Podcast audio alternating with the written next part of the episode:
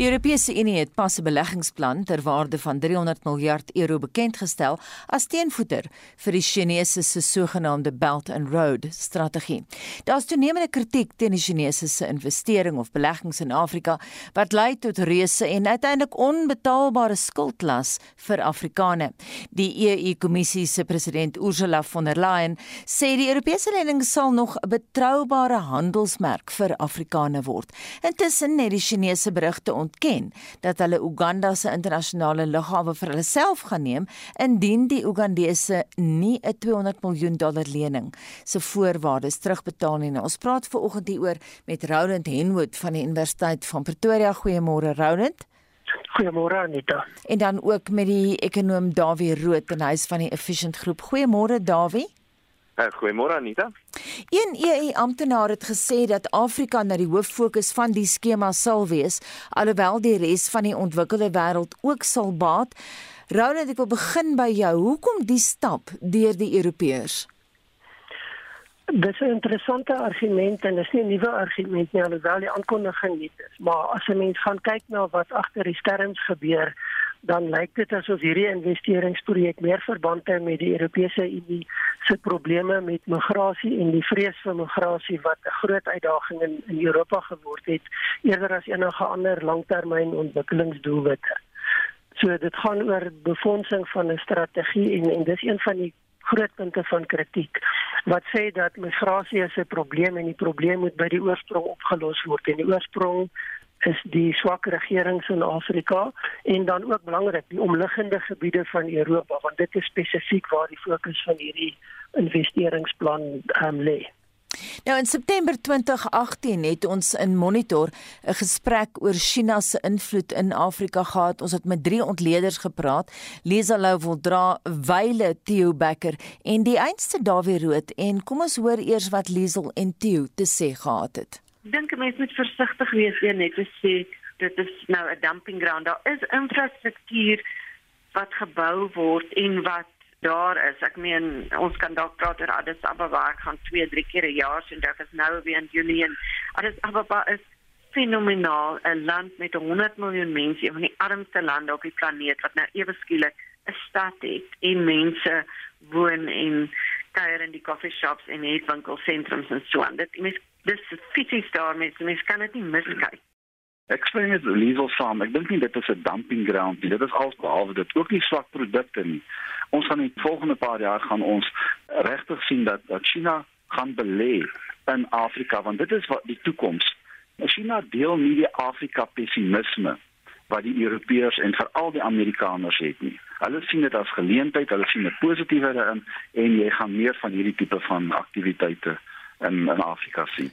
Daar wil ek gaan later by jou uitkom. Ek wil net vir 'n oomblik stil staan by Roland. Roland, jy het nou gehoor ehm um, jou vriend en kollega Wyle Theo Becker wat hy daar te sê gehad het en Liesel Lou wil dra. Hulle sê mense moet versigtig wees om net te sê wel Afrika se dumping ground. Hoe voel jy daaroor? So, en ek dink dit het verander nie. Daar is wel kritiek wat 'n mens kan uitspreek oor presies wat China en hoe China sy investerings in Afrika bedryf. Maar die feit van die saak is ons het oor die afgelope tyd gesien massiewe investering veral in infrastruktuur en dis infrastruktuur wat nodig is maar wat ook voordele vir die mense bied waar daai infrastruktuur ontwikkel word. Veral vervoer. Goed, die punt van kritiek is dat baie van dit sentreer om China se eie belange. En dit mag so wees, maar feit van die saak is sonder daai investering en sonder daai kundigheid sou die infrastruktuur nie ontwikkel het en nie die ander geleenthede gebied het wat daarmee saamgaan nie. So dit is nie 'n een eenvoudige kwessie van hierdie is 'n vyandige proses en en ek dink dis een van die probleme dat as ons gaan kyk na die die uitsprake wat uit Europa en uit Washington kom, is dit 'n anti-China ingesteldheid. Mm. En dit is nie noodwendig hoe mense na China en Afrika moet gaan kyk nie. Daar wie jou inslag met daai September 2018 onderhoud wat ek uit die argiewe uitgekry het was filosofies. Kom ons luister na wat jy toegesê het. 'n Nuwe moontlikheid, China, gaan natuurlik sy plek in die wêreld probeer oopskop. Hy gaan natuurlik sekere uh, eise begine stel soos enige ander land in die wêreld. Ons is sopas as Theresa May was in Suid-Afrika, Macron is kort kort in Afrika en hulle probeer natuurlik ook maar vlerk sleep na Afrika soos enige ander land in die wêreld. En dit is inderdaad wat China besig is om te doen. En daar is voordele vir China natuurlik. Een daarvan is dat die Afrika kontinent is 'n jong kontinent. Dit is 'n 'n groot bevolking en 'n vinnig groeiende bevolking. Natuurlik is daar groot infrastrukturele geleenthede vir China, so dis 'n mark vir China ook. Maar daarmee saam is dit natuurlik grondstowwe wat China uit Afrika uit kan kry en baie belangriker dis die realiteit is dat China gaan op 'n stadium seker sy politieke fondse vleis begin eis. En dit is wat ons oral in die wêreld sien. So dit is heeltemal normaal wat ons sien wat besig is om te gebeur met China. Wat belangrik is, wat ek dink mense moet verstaan, is dit nie die eerste keer dat ons so 'n tipe van nuwe moontlikheid in die wêreld sien nie. Nie te lank terug nie in die 60s en die 70s sou Japan die wêreld oorgeneem het. En Japan is vandag maar eintlik maar 'n relatiewe klein ekonomie. En dit is inderdaad wat met China ook gaan gebeur. Alreeds is die bevolkingsgroeikoers in China besig om sommer dramaties af te plat. Hulle ekonomiese groeikoers wat sommer 12% in 'n jaar was op 'n stadium, is al reeds dramaties laer. Dit is nog steeds baie vinnig en binnekort binne miskien 'n dekade of twee gaan ons praat van die Indiërs wat besig is om die wêreld oor te neem. So dit is 'n heeltemal natuurlike siklus wat ons hierso sien en ek dink in steede daarvan om bang te word en dit te sien as 'n bedreiging, moet Afrikaners dit eintlik sien as 'n geleentheid. Dawie Rood, hoe voel jy vandag oor wat jy 3 jaar gelede gesê het? Anita Visser, ja, ek dink dit het nogal so baie daarvan het op 'n manier besig om waar te word. Maar ek dink daar's 'n baie groot en belangrike klemverskil wat die afgelope tyd, die afgelope 3 jaar veral plaasgevind het. Jou insetsel het onder andere verwys na wat is besig om te gebeur in Ethiopië. Nou Ethiopië is sekerlik nie vandag waar dit was 3 jaar terug nie. Dinge het dramaties agteruit gegaan in Ethiopië byvoorbeeld. Maar as, as mens praat van China, dink ek dis 'n baie belangrike klemverskil wat die afgelope tyd plaasgevind het, die afgelope 2-3 jaar. En dis die politieke klemverskil wat wat uit China uitkom. Uh, tot nie te lank terug nie, maar China eintlik 'n redelike stil groot speler wêreldwyd. Masjiene begin al meer sy merke maak soos uh, internasionaal en ek dink die klem, die politieke klem het sekerlik verskuif meer na Taiwan toe. En ons sien baie meer van uh, dat die groot lande in die wêreld soos die Amerikaners en die Chinese al meer en meer vir mekaar begin grom. Wat die hierdie Europese plan aanbetref, die sogenaamde Global Initiative, moet mens verstaan dat die Europese Unie is eintlik 'n reusagtige groot bureaukratiese masjien. Die ding draai baie stadig. Ek het so vinnig deur hulle plan gelees, daar's maar bitter min werklik waar nuwe goed in hulle plan. Uh hulle klem gaan wees, hulle sê so, op goed soos byvoorbeeld skoon regering en groen energie en kommunikasie en dis meer, maar werklik waar is daar nie veel meer wat gaan gebeur uh as mens kyk deur die die plan van die Europese Unie wat hulle nou aangekondig het nie. David nou verwys van die feit dat mense grom vir mekaar oor Afrika. Wat van Amerika se invloed op die kontinent? Roland, 'n senior navorsingsgenoot aan die Center for Global Development in Washington, Scott Morris is baie bekommerd oor die wrywing tussen Brussel en die FSA en ek wil hom aanhaal. It's a good sign that finally Europe is asserting its influence in the area but a common interest could also create more competition. En dan is daar 'n wonderlike klankgreep. Hy sê this is a noisy space with a lot of brands bumping into each other. Wat sê jy daarvan? Ja, ek dink dit is 'n goeie beskrywing van wat gebeur. Ons het gesien oor die afgelope jare het die FSA baie meer 'n hoë profiel rol begin speel en probeer om tot 'n groot mate dink 'n terugkeer te maak tot die gebeure in Afrika en daar's politieke en ekonomiese redes daarvoor. Hoe suksesvol dit is is natuurlik 'n ander debat. Maar ons sien baie um, hoë frekwensie van aktiwiteite van besoeke, senior politieke en ook bureaukratiese figure. Um, en dan interessant vir al militêre leiers wat lyk asof hulle 'n baie sterk poging het om deur Afrika met besoeke, met ooreenkomste, met hulpverlening betrokke te raak.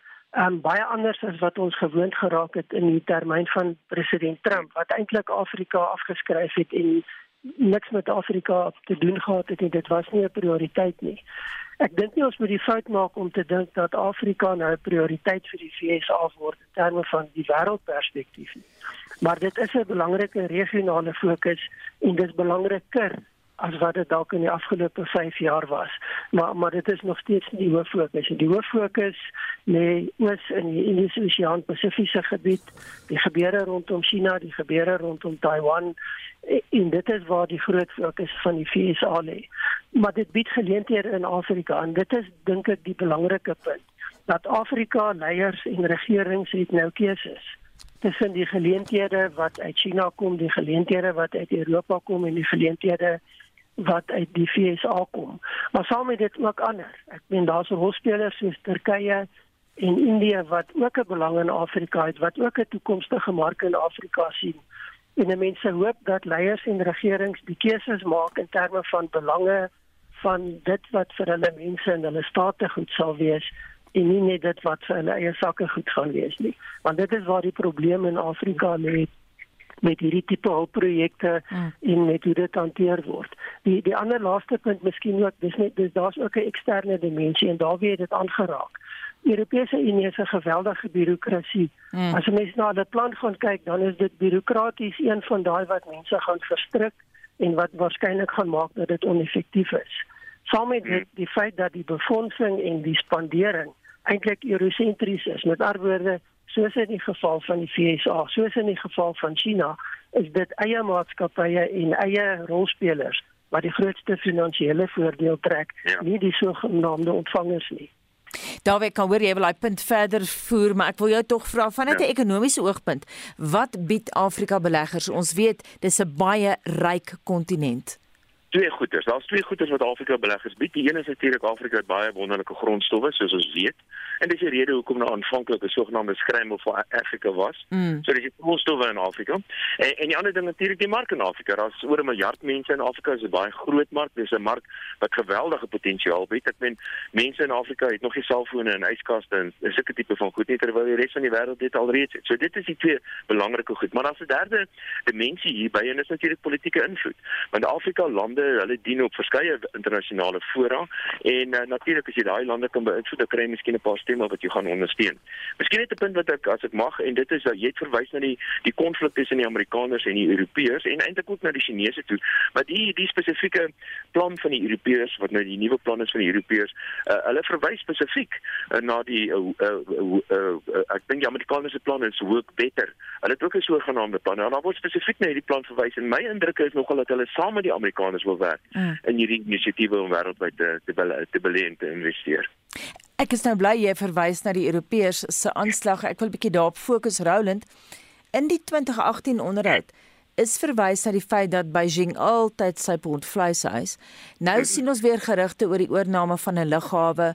Ons het gesien wat hulle in Pakistan gedoen het en so aan. En die EU sê nou in 'n verklaring, hulle hulp en ek haal nou woordeliks aan, sal deursigtig en op waardes gebaseer wees om von der Leyen aan te haal, we want to create links, not dependencies. Gaan die Europese aanslag noemenswaardig verskil van die van die Chinese?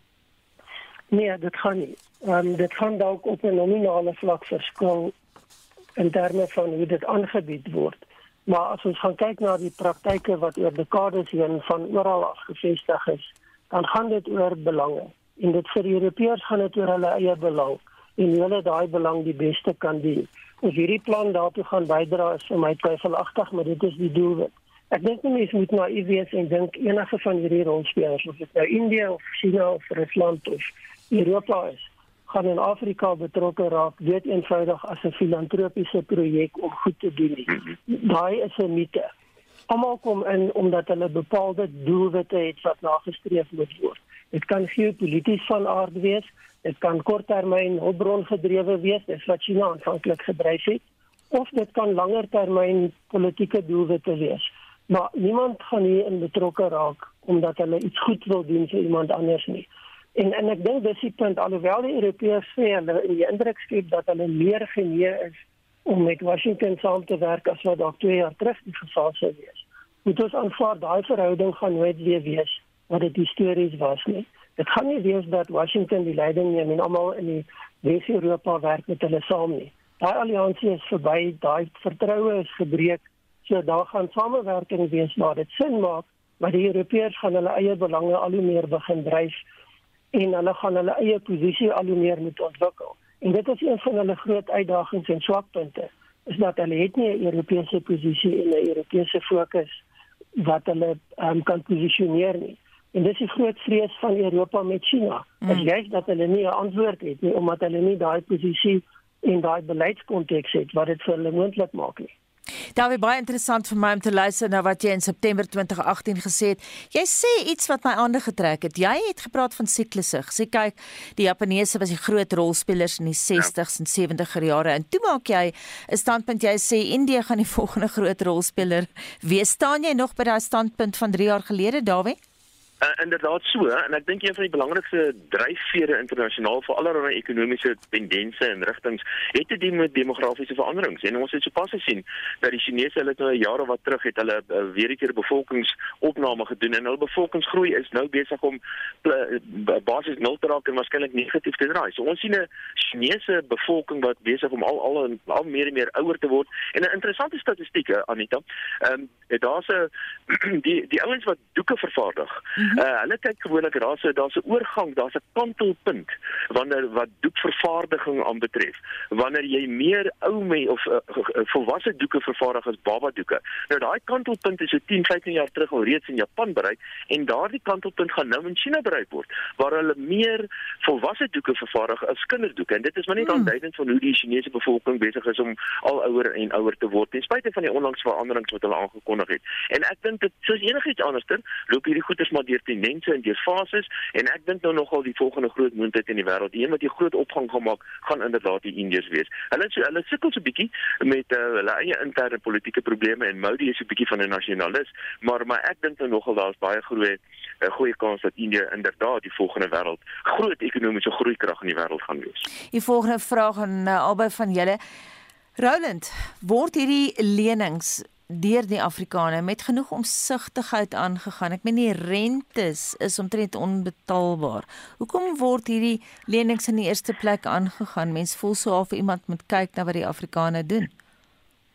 Ja, dis een van die probleme is nie, is nie noodwendig die aangaan van die lesings nie, van die lenings nie, maar die feit dat daar nie deursigtigheid is nie.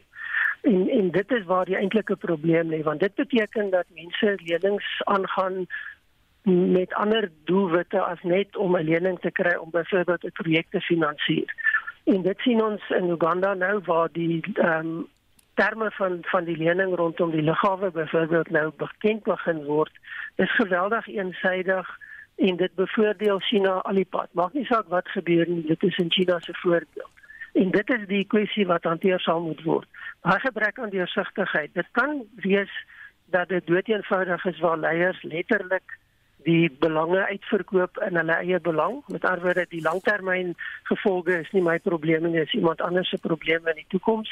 Maar dit kan ook wees dat daar misleiding is en dat daar op die vlak van amptenare nie noodwendig die kundigheid lê om hierdie tipe ooreenkomste te sluit nie. En ek meen ons sien dit in 'n relatief gesofistikeerde omgewing soos Suid-Afrika, hmm. waar daar toenemend aanduidings is van dieselfde probleem. En daai swakhede word natuurlik uitgebuit vir eie gewin. En China doen dit en Indië gaan dit doen en Europa het dit met dekades eeue gedoen. Ons kan aangaan, dis nie nuut nie. Die feit van die saak is en en ek dink dit is iets wat dalk op die leierskapsvlak op 'n multilaterale konteks in Afrika benader moet word. Is hoe kan Afrika homself bemagtig en seker maak dat hierdie uitbuiting en misleiding en die korrupsie wat daarmee saamgaan op 'n ander manier hanteer word. Mm -hmm. Dit het beide 'n nasionale en 'n eksterne dimensie. Ehm um, maar maar ek dink en dis vir my die onderliggende ding. Die grootste krisis by bly ondeursigtige leierskap, leierskap wat geweldig selfgesentreer is en in baie gevalle dood eenvoudig oneerlikheid en korrupsie. Kom ons gee die laaste woord aan die ekonom Dawie Rood. Wil jy daai punte verder voer? Ja, Anette, jy heeltemal korrek. Jy het nou verwys na die rente en die duur rente wat betaal word op die lenings. Dis nie altyd die geval nie. Daar sal oordragte, ek meen dan dink 18 miljard euros wat hulle net eenvoudig wil gee aan verdienstelike projekte in verdienstelike lande. Maar mense moet baie mooi verstaan, dit is nie net rente nie. Dit gaan dit gaan oor hulle self grootliks. Is dat in baie gevalle word daar lenings eh, toegestaan aan opkomende lande of Afrika lande in Afrika, maar die voorwaardes is nie net rente nie. Die voorwaardes is onder andere jy moet by my koop. Jy moet my maatskappye ondersteun. Jy moet van my tegnologie en my my uh, uitvoere gebruik maak voordat jy die lening voor mag kwalifiseer. So dit gaan altyd oor hulle self. En miskien net 'n laaste punt, ons moenie te veel van 'n ding maak van hierdie van hierdie nuwe pakket in die program van die van die Europeërs nie, want die bekende tydskrif The Economist het nogal daarna verwys en hulle noem dit en verskoon my Frans, hulle noem dit bullshit. Want dit is nogal 'n deel is van die Europese Unie. Dit is so groot reusagtige organisasie dat dit baie moeilik is om werklik waar iets van stapel te stuur. Baie dankie. Ons het ver oggend gepraat met die ekonom Dawie Rood van die Efficient Groep, asook met Roland Henwood van die Universiteit van Pretoria en die klank kom uit ons wonderlike argiefie by die SAIK en ek het dit gekry met die hulp van die argivaris Karen de Tooy. Intussen praat ons ver oggend oor mense se gunsteling woorde. Dis nou van die jaar nie noodwendig van die taal nie, maar in terme van temas en so aan. Interessant, daar's nogal baie mense essie wat verwys na die virus, nê? of verwante woorde. Ja, baie COVID COVID geïnspireerde woorde Anita soos jy daar sê Hansie Jansen sê uh sy woord van die jaar is Ivermectin en Edlin Quincy Laak uh, verwys na pineappelbier. Hier's 'n luisteraar wat sê Grendel en Leni Stander sê haar woord van die jaar is familievergadering. Wat is jou gunsteling woord Anita? O, daai het jy my nou. Kan jy my die einde van die program vra? kan ek jou wat is jou gunsteling woord? Ek het nou ek nou reeds gesê. gepraat oor uitstel, maar miskien moet ons ook kyk o, ja, na die woord paniek want ek dink hy kry nou 'n heel ander betekenis en en definisie as ons kyk na hoe die woord gebruik word mm. deur ons politici. Esie, kom ons gooi daai vraag na jou toe. Wat staan vir jou uh, uit my, as 'n woord hierdie jaar? Um, wel my algemene gunsteling woord Anita is boef. en ek ek, ek ek ek hou van die woord omdat dit so plofklank het. Ja. Dis dis hoekom dit my gunsteling woord is. Maar kom ons luister wat sê van ons luisteraars. My woord van die jaar is COVID, COVID of hoe kan ons sê corona want ek het dit soveel keer gehoor nê. Ek slaap corona, ek eet corona, ek bad corona. So my woord vir die jaar is corona, COVID-19. Dis European phrase. Weet jy, ek sal natuurlik nou die vaksinering as ek hom so so spotdampie moet gee, sal ek sê dis 'n jab. Ek meen jab is maar ook maar 'n uh, 'n baie aanvaarbare algemene terme wat hulle gebruik. Maar rede ons baie Zulu sprekendes het hier in KwaZulu-Natal is die uh, Zulu vir inspuiting Jova. En uh, ek nou vir sal een van die Zulu sprekendes vra, het jy jou Jova gehad? Dan onmiddellik sal sy weet ek praat van die inspuiting en dan sal hulle daarop antwoord. Ek stel voor 'n korter en makliker naam vir 'n politieke wetenskaplike, naamlik politoloog. Ja, nee so. My gunsteling nuwe woord vir die jaar versekerlik wees rekordhoogte. Ongelukkig verwys dit nou nie na die positiewe nie, maar elke keer as ons daai woord hoor, dan weet ons die petrolprys gaan weer op tot op 'n nuwe rekordhoogte. Dis Anetiso, die lekkerste woord in elke opsig om te sê en te geniet is sonsak sopie, sê ons hier in onrus. My gunsteling Afrikaanse woord is kwaadaardig en geniepsig. So baie lekker woord daai sonsak sopie. Laat weet vir ons wat is jou woord van die jaar. Stuur vir oulaas vir ons 'n SMS na 45889. Onthou dit kos jou R1.50 per SMS.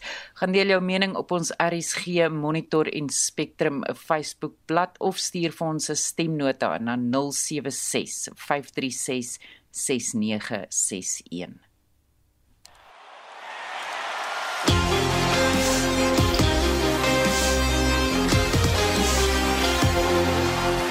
Kom ons beweeg na die sportveld. Shaun Jooste staan by. Die naweek se sportaksie is ietwat deur COVID uitgedun, maar kom ons kyk wat voorlê. Ons kop af met rugby nuus. Die tweede been van die wêreld sewe reeks begin vandag in Dubai. Verlede naweek het die Blitsbokke in die eerste toernooi van die nuwe wêreld sewe reeks oorheers. Suid-Afrika het hulle groepswedstryde gemaklik gewen en daarna in die kwart en halve eindrondes met Australië en Argentinië afgereken. In die eindstryd het die Blitsbokke 'n reuse oorwinning van 42-7 oor die VSA behaal. Suid-Afrika is weer saam met Japan, Ierland en Groot-Brittanje in Groep A geplaas. Die Blitsbokke speel 12 minute oor 9 teen Japan, vanmiddag net na 1 teen Ierland en vanaand net na 07:30 draf ons teen Groot-Brittanje op die veld uit. Die Blitsbokke spog met 18 agtereenvolgende wedstrydoorwinnings in sewe rugby. Verskeie wedstryde in die Verenigde Rugby Kampioenskappe word die naweek gespeel.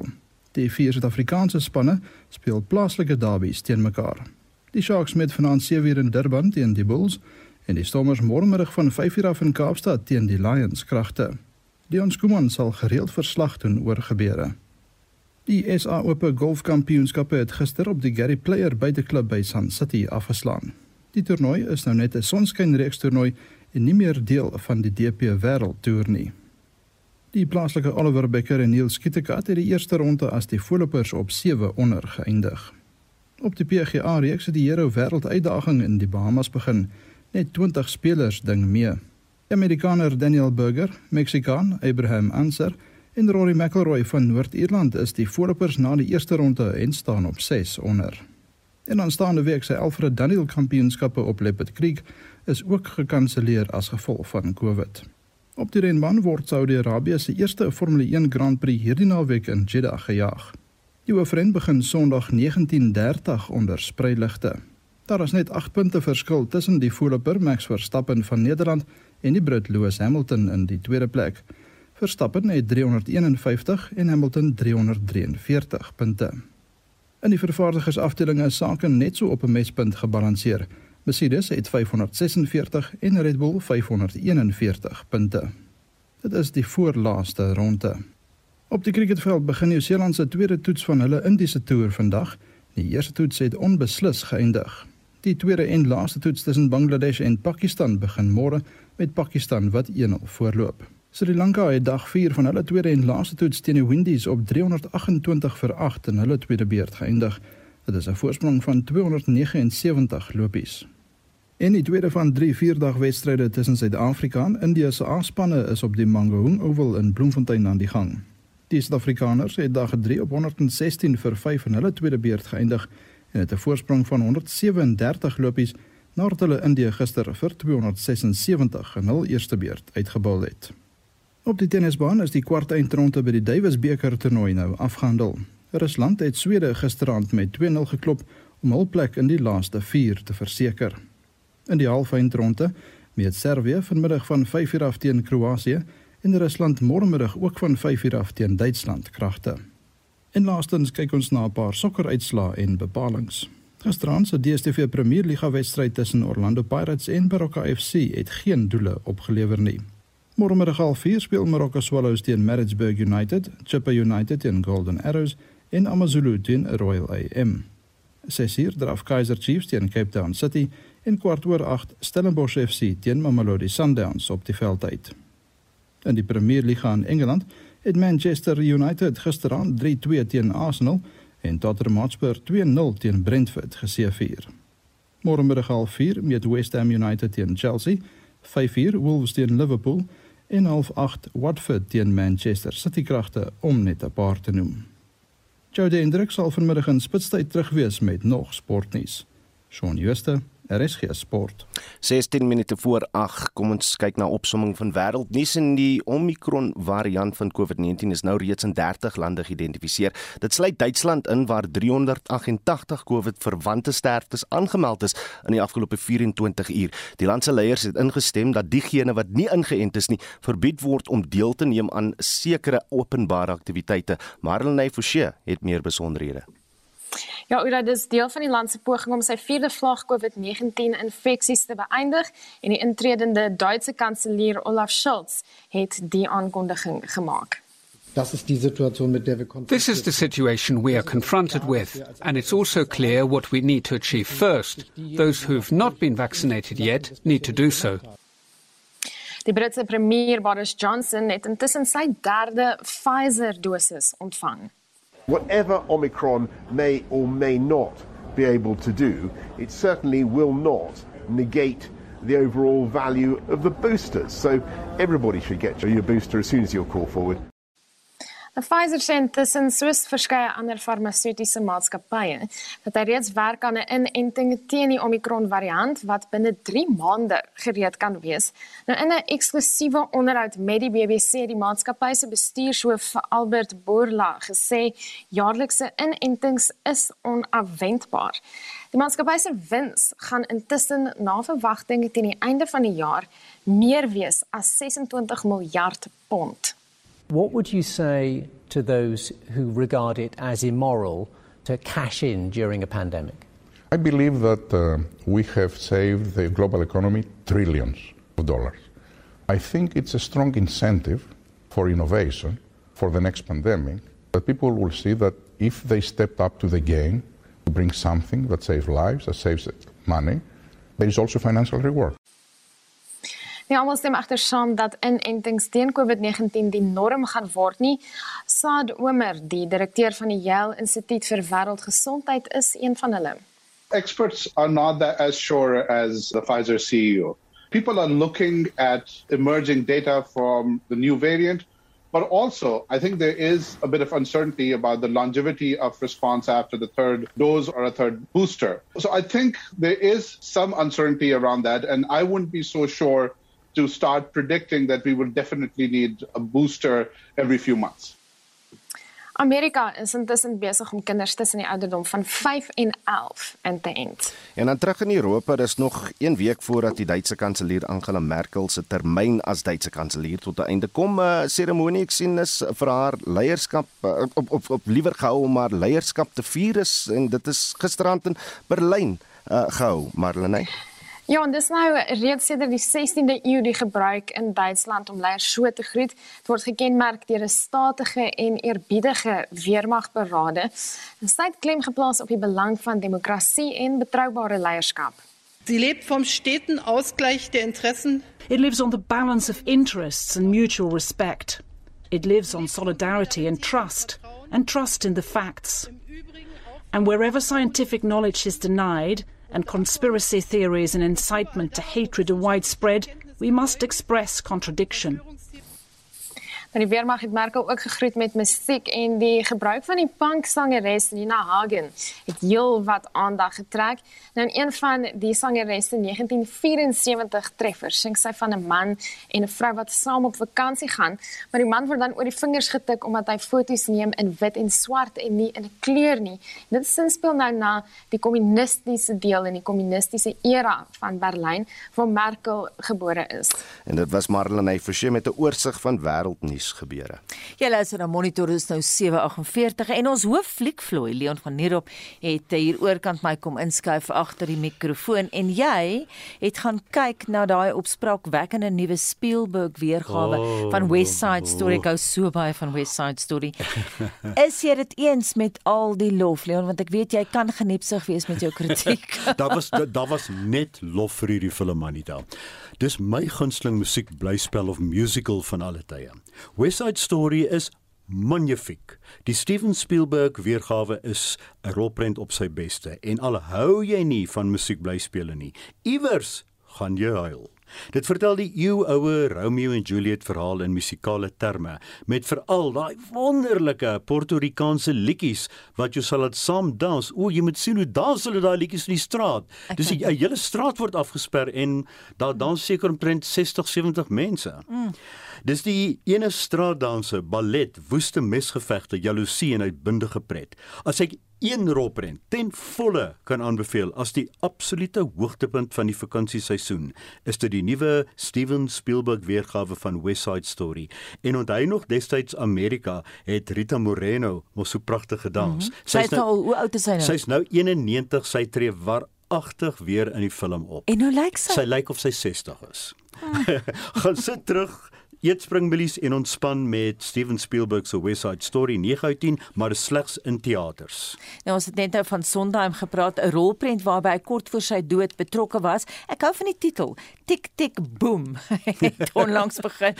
Waaroor gaan Tik Tik Boom? Ek gaan nou vir jou verduidelik waaroor die titel gaan. Steven Sondheim, die bekroonde en legendariese liedjie-skrywer en liriekskrywer, draaiboekskrywer, bekroonde komponis en in hierdie geval akteur, is verlede Vrydag aan die ouderdom van 91 90 oorlede. Daar was talle huldeblyke aan die geniale komponis wat onder andere die lirieke vir die oorspronklike West Side Story geskryf het waaroor ek nou net gepraat het. Hy verskyn vir Oulas op kamera in Tik Tik Boom. Dit gaan oor sy mentorskap vir die skepper van die verhoogstuk Rent, Jonathan Larson, wat ook intussen oorlede is, en sy melankoliese Tik Tik Boom op die verhoog. Die titel suggereer hoe die sekondes in Larson se kop afgetel is tot by Rent. Tick Tick Boom as film kan nou gestroom word te loops. Enigiemand wat al ooit probeer het om te skep, ken die hel van iets uit jou kop op papier, televisie of die silwerdoek kry. Niemand weet waardeur jy worstel nie, glo my. Veral nie die depressie nie. Maar hierdie film ontleed die skepingsproses filmies ten volle deur Lin Manuel Miranda. Dit geld natuurlik enigiemand wat al enigiets probeer skep het en hom of haarself vasgeloop het teen brutale verwerping. Andrew Garfield speel Jonathan, maar die boodskap is: maak nie saak hoeveel deure in jou gesig toegeklap word nie en luisteraars moet hierna luister. Later skop jy hulle oop en Sondag met Larsen gementor. Dit is hipnoties inspirerend. Al klink die titel vreemd, Tik Tik Boom, dis absoluut boeiend 9 uit 10 op Netflix. En dan iets waaroor ek reeds gelees het, ek het die boek gelees oor die Gucci's, The House of Gucci of liewer House of Gucci sonder die the. Ja. Is 'n veelbesproke weergawe van daai moord in die Gucci familie. Ek sien nou hierdie week op die nuusagentskappe sê die Gucci's alles word oh, uit verband uitgeruk, maar hulle sal dit sê. Maar uh, jo, hulle hulle hulle gee hulle laat die Borgias klink na net 'n middelmatige familie, jy weet as jy eers lees wat die Gucci's aangevang het of liewer Patricia, né? Patricia. Ja. House of Gucci het my sukkel sukkel oortuig omdat Ridley Scott se regie erg melodramaties is en jy weet nie wat om te glo nie. Soms is dit uitspattig oordadig en dan is daar mos daai wonderlike uitdrukking Anita, die waarheid word gelieg. Ander karakters raak te groot vir die silwerdoek en iewers probeer die waarheid kop uitsteek. Patricia Reggiani van wie jy nou net gepraat het, 'n wille meisie, hou jy van haar aksent en haar uitspraak. Trou in die magtige Gucci familie. Ja, sy het opgetrou ja, uit haar klas. Uit haar klas uit. Maar kies die op die oog af bedaarde seun Maurizio, gespeel deur Adam Driver. Sy loop haar vas in 'n Macbeth oorlog waar Lady Macbeth nie haar doel bereik nie en waarin mense mekaar gruwelik verkil en mislei soos jy nog nooit gesien het nie, nie sou dit die Borgias nie. Soms is die spel oordrewe soos Lady Gaga as Patricia en Adam Driver as Maurizio Gucci. Soms is dit briljant soos Jared Leto as die swakkeling Paolo en die ander kere is dit plainweg belaglik, soos Al Pacino wat weer op dieselfde klisjées teruggeval het as gewoonlik en baie vloermoere gooi. Terloops, uh, daar steen hom die meeste kritiek gelewer.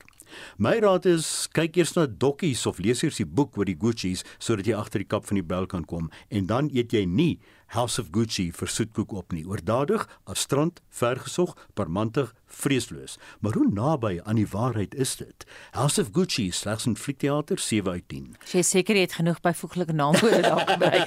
Dit was Leon met sy weeklikse fliekrubriek. 'n Rubriekskrywer van die Sunday Times het verlede Sondag geskryf dat die ANC se behoud van die burgemeesterspos in Durban 'n pures oorwinning is. Daarom bespreek die uitvoerende direkteur en hoofredakteur van die WAT die uitdrukking pures oorwinning. Volgens die rubriekskrywer Bani Mtomboti het die ANC die burgemeesterspos in Durban op bedenklike wyse behou. Toe hulle nie die burgemeestersverkiesing kon ontwrig nie, het die ANC 'n kragonderbreking veroorsaak wat daartoe gelei het dat die verkiesing uitgestel moes word. Dit het hulle volgens hom tyd gegee om deur intimidasie en omkopery die dienende burgemeester herverkies te kry. Die rubriekskrywer beskryf die uitslag in Durban as 'n pyrrhus oorwinning omdat die wenners hulle tot eerlose aktiwiteite moes wend omdat hulle besef het die skrif is aan die muur. Hy sien dit as die laaste stuiptrekkings van 'n party, die begin van die einde. 'n Pyrrhus oorwinning is 'n skynoorwinning. Die Woordeboek van die Afrikaanse taal beskryf dit as 'n oorwinning wat die betrokkenes of rolspelers sodanig verswak of uitput dat die posisie van die oorwinnaar en die oorwonnene vir alle praktiese doeleindes dieselfde is. Die term Pyrrhus oorwinning het sy oorsprong by die Grieke. Aan die begin van die 3de eeu voor Christus was daar nog steeds Griekse kolonies in die suidelike deel van Italië. Pyrrhus was koning van Epirus in Noord-Griekeland en hy het 'n oproep om hulp van die Taras kolonie in die hak van die Italiaanse skiereiland gekry. Pyrrhus is toe met 20 oorlogsolifante en 25000 soldate oor die Adriatiese See om die Grieke teen die Romeine te gaan help. Pyrrhus word beskryf as een van die beste militêre bevelvoerders in die geskiedenis en is vergelyk met Alexander die Grote. Pyrrhus behaal oorwinnings oor die Romeine by Heraklia in 280 voor Christus en by Asculum in 279 voor Christus. Die oorwinnings kom egter teen 'n baie groot prys omdat dit met groot lewensverlies gepaard gegaan het. Alhoewel die Romeine meer manskappe as hulle verloor het, het hulle ook 'n baie groter leer gehad. Na bewering het Pyrrhus na die oorwinnings die volgende te sê gehad: Nog so 'n oorwinning oor die Romeine sal ons heeltemal vernietig. Dit laat ons met die vraag of daar werklik 'n wenner in enige oorlog is. Baie filosofiese vraag daar gestel deur Willem Botha, uitvoerende direkteur en hoofredakteur van die WAT. As jy 'n woord wil koop of borg, besoek www.wat.co.za.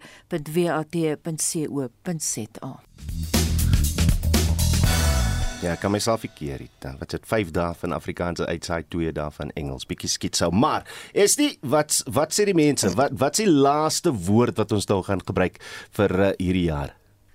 Ouda is so oulike woord. Dis 'n luisteraar wat sê haar kleinseun noem 'n voorskoot voorskoot 'n spatjassie.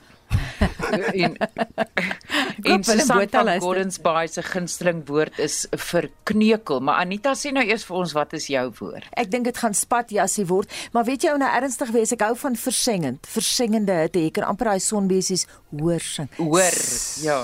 Ja, ja, ja, hoe sing hulle?